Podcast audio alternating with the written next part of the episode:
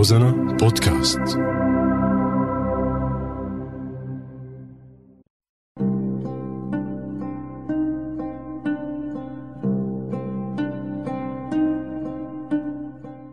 بعدك على بالي. أكد مسؤول بالحكومة إنه سوريا رح ترجع مثل الأول. العمى إذا عم أرجع بذاكرتي متر لورا عم يقشعر بدني فكيف إذا بدنا نرجع ثمان سنين لورا؟ الرجعة من الرجعية والإمبريالية. كيف عم تزبط مع أعداء الرجعية إنه ترجع سوريا مثل ما كانت؟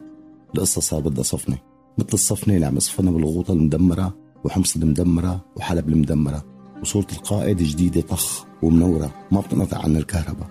ومكتوب تحتها مبروك النصر لسوريا لكن مو شايف خريطة سوريا ولا حتى ملامحها مو شايف لقدام غير زل وقهر وروتين وعرفنا عم عم تحكي. بس مع وصفة حداثة خلت الناس تكفر بالعبرة كل شيء صار أساسي على البطاقة والبطاقة عملت أزمة فوق الأزمة وعملت ثورة وانتصرت فيها على الشعب. وصارت البطاقة باب بكل يد مدرجة يدق ودم ما في ولا في تعاطف ولا عاطفة.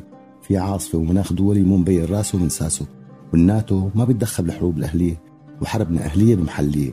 يعني من دهنه سقيله.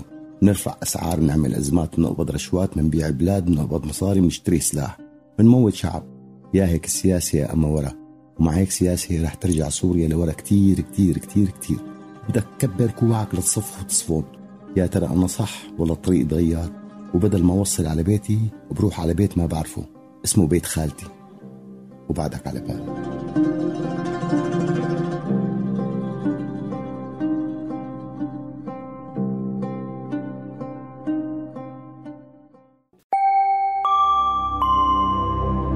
روزانا بودكاست.